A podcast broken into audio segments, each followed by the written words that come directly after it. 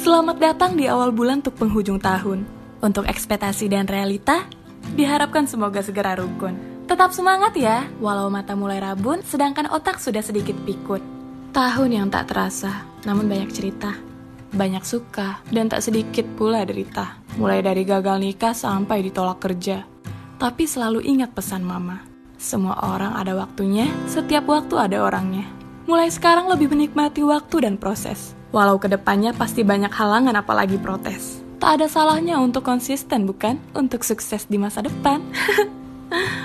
Dan teruntuk diri sendiri, terima kasih sudah kuat dan bertahan sampai detik ini. Melawan tahun di luar kendali, melawan derita yang tak kenal henti. Semoga tetap terus begini sampai bahagia kembali. Now, Pukul 2 malam. we'll all be gone.